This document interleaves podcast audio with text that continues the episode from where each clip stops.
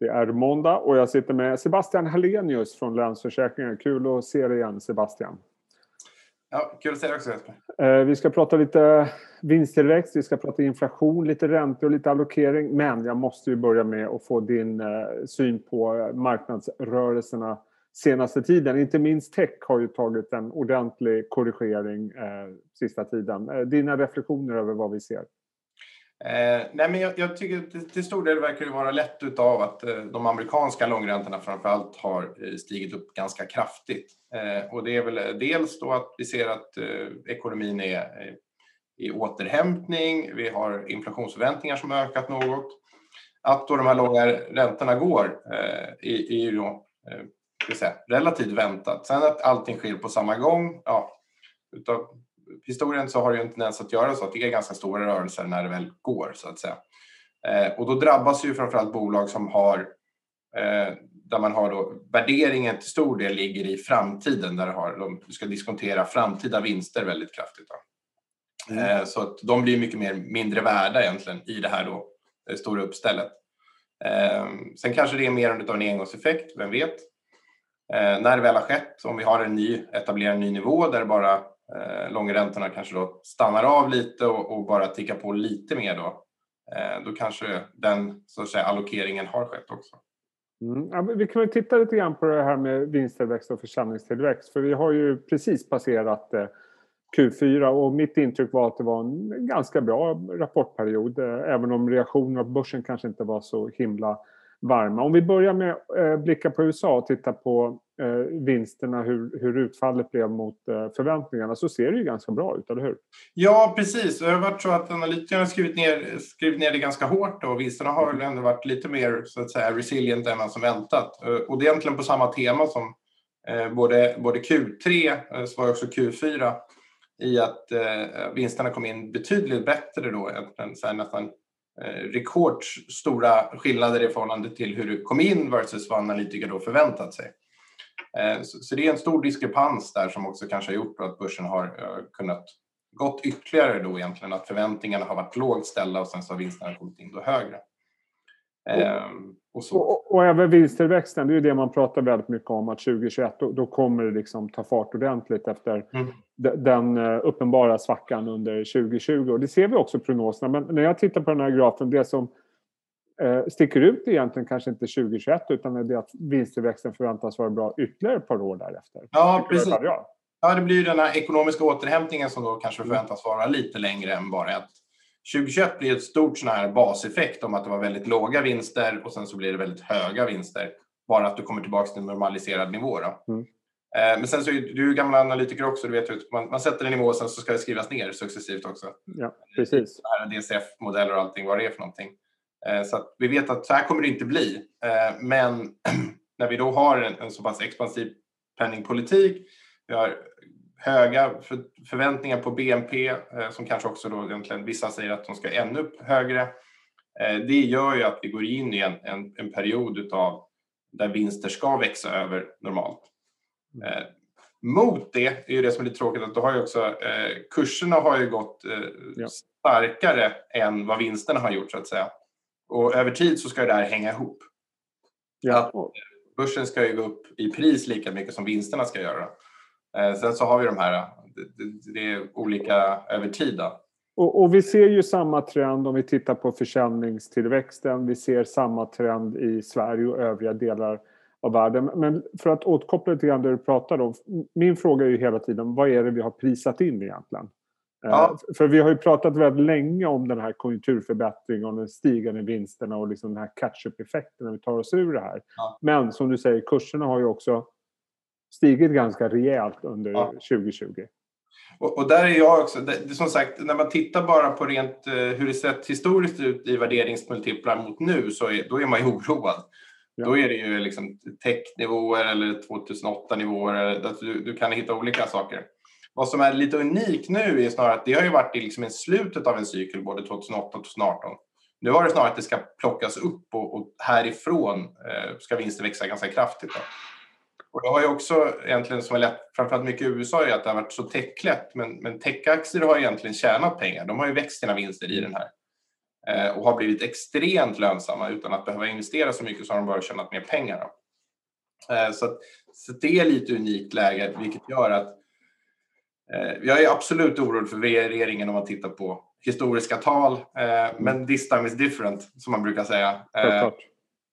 Så det är varje gång när det är höga nivåer. Och jag hör mig själv också. Ja, ja. Men där vi är i konjunkturen just nu så är det svårt att se att det ska komma ett stort bakslag helt enkelt. På grund och, av att vi ser att vinsterna ska växa så pass kraftigt. Och om vi då pratar om, du, du nämnde i början kanske modeordet sista tiden, det är inflationen som då, jag ska inte säga äntligen är tillbaka, men, men det har ju varit väldigt tyst om den väldigt mm. länge. Om vi börjar liksom med grunderna för att sen se var vi befinner oss. Vad är liksom de viktigaste drivkrafterna? Vad är det man ska leta efter för att eh, anta om inflationen ska upp eller ner?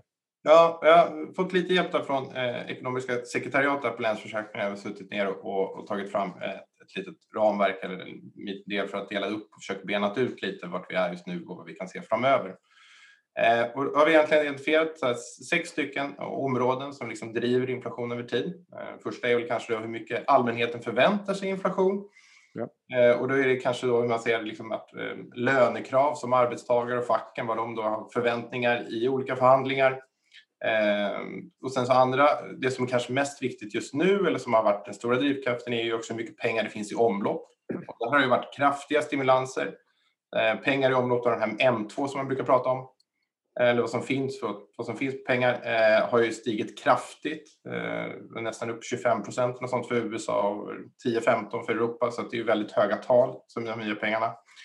Eh, hur mycket löner eh, ökar, det faktiska i löner? Hur valutan förändras över tid, där har vi haft en dynamik senaste året som har ändrats en hel del. Eh, inflation i omvärlden, alltså att man importerar inflation på olika sätt. Eh, och hur det allmänna läget i ekonomin ser ut. Då.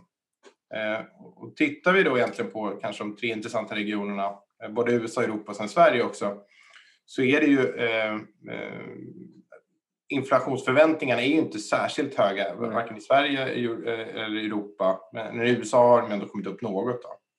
Eh, pengar som finns i omlopp är ju väldigt mycket. Eh, det är ju verkligen nytt och det är ju också det som man är lite så här, det, det klassiska som man är rädd för hyperinflation när det blir extremt mycket nya pengar som måste tryckas. Men lönerna hos ju låga. Det är ju snarare så att det är folk som kommer in till arbetsmarknaden. Det blir inte lönerna. Den ska ju snarare vara, snarare vara mättad innan kanske löner börjar öka eh, kraftigt. Eh, valutan har ju också egentligen då, det är ju egentligen amerikanska valutan, dollar då, som har försvagats något i det här. Eh, men i Europa och Sverige så har det snarare stärkts. Eh, och inflationen i omvärlden är också inte särskilt hög i historiska tal. Och läget i ekonomin är ju snarare att vi går ifrån ett, ett relativt lågt resursutnyttjande till att börja öka mer och mer. Så att vi inte heller i någon kapacitet där. Men går det, vad gäller den sista punkten, hur ekonomin ser ut, hur läget är för ekonomin, kan man inte argumentera för att eh, förväntansbilden ändå är väldigt hög vad gäller den ekonomiska utvecklingen framöver? Att, ja, att man förväntar sig en kraftig konjunkturåterhämtning eh, som kommer gå ganska snabbt. Och vi såg tidigare på vinsttillväxtgraferna att det ändå spelar in i den här äh, inflationsförväntningarna framöver.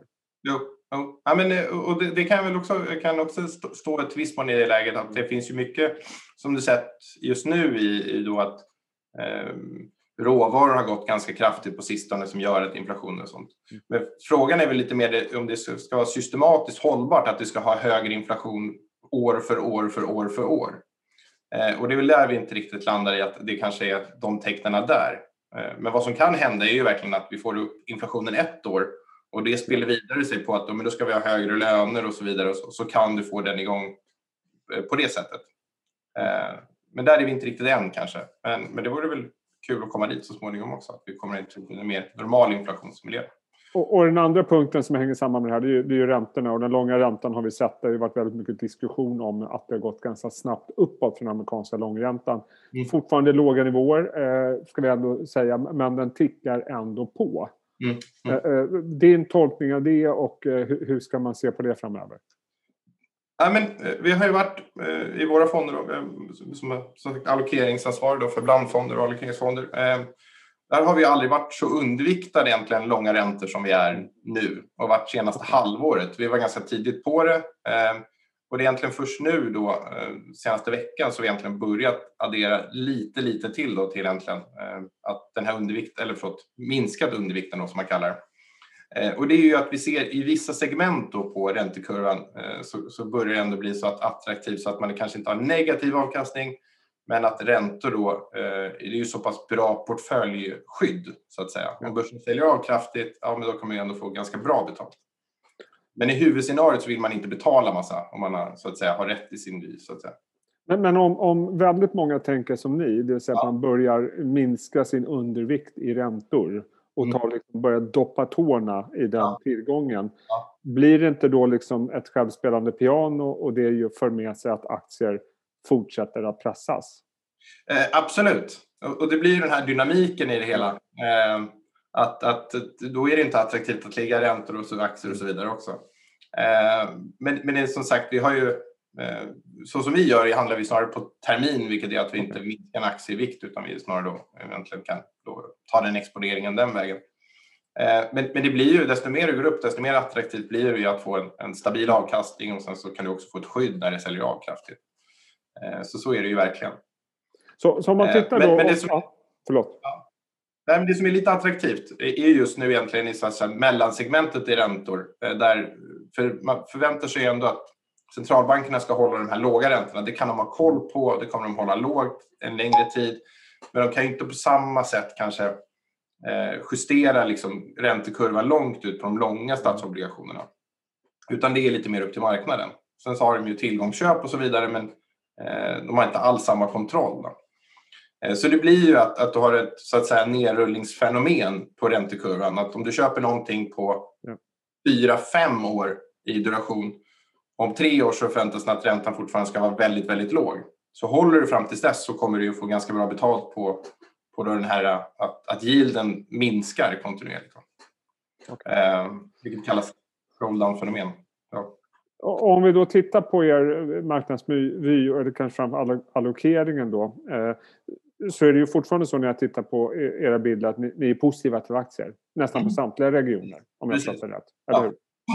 Eh, och det är jättesvårt på två års sikt med allt vad som händer runt omkring att ha en, en, en stark vy på en region. Eh, skulle jag säga någonting så ligger jag kanske lite mer då för det att det är en konjunkturell återhämtning. Man ska väl ligga lite mer cykliskt. Cykliskt brukar gynnas av Sverige, Europa och tillväxtmarknader. Det var lite som vi senast vi, vi snackade om. Eh, och USA kanske är liksom den som har gått före till stor del.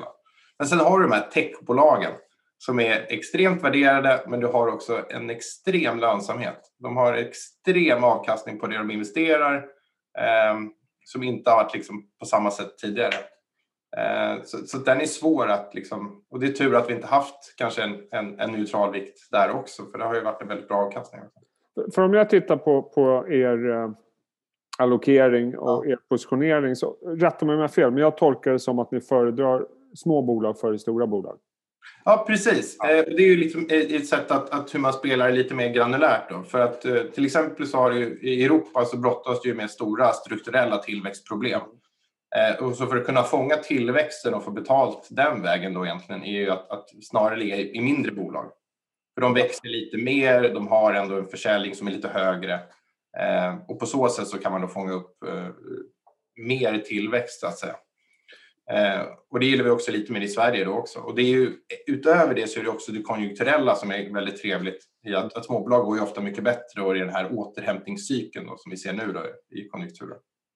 Men, samtidigt eh, pratas det ju oerhört mycket nu om sektorrotation. Nu är ju svenska marknaden lite speciell. För om man tittar på våra storbolag så finns det mycket värdeaktier. Det finns bank, det finns eh, konjunkturkänsligt de här techbolagen finns ju framförallt på de mindre listorna.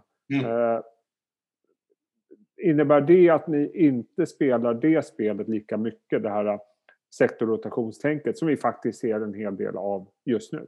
Ja, nej, vi gör ju inte det per se då, utan vi investerar ofta i, i aktiva förvaltare mm. eh, som kanske har en stiltilt, att de är tillväxttiltade eller value-tiltade eller, eller vad det är för någonting.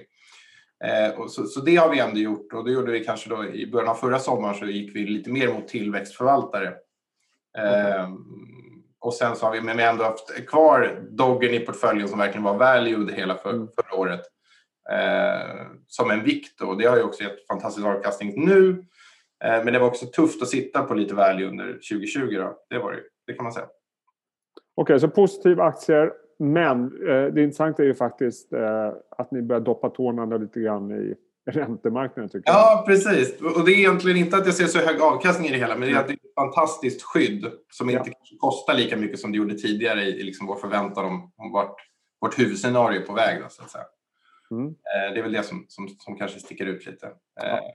Och sen så är det lite mer mot cykliska regioner.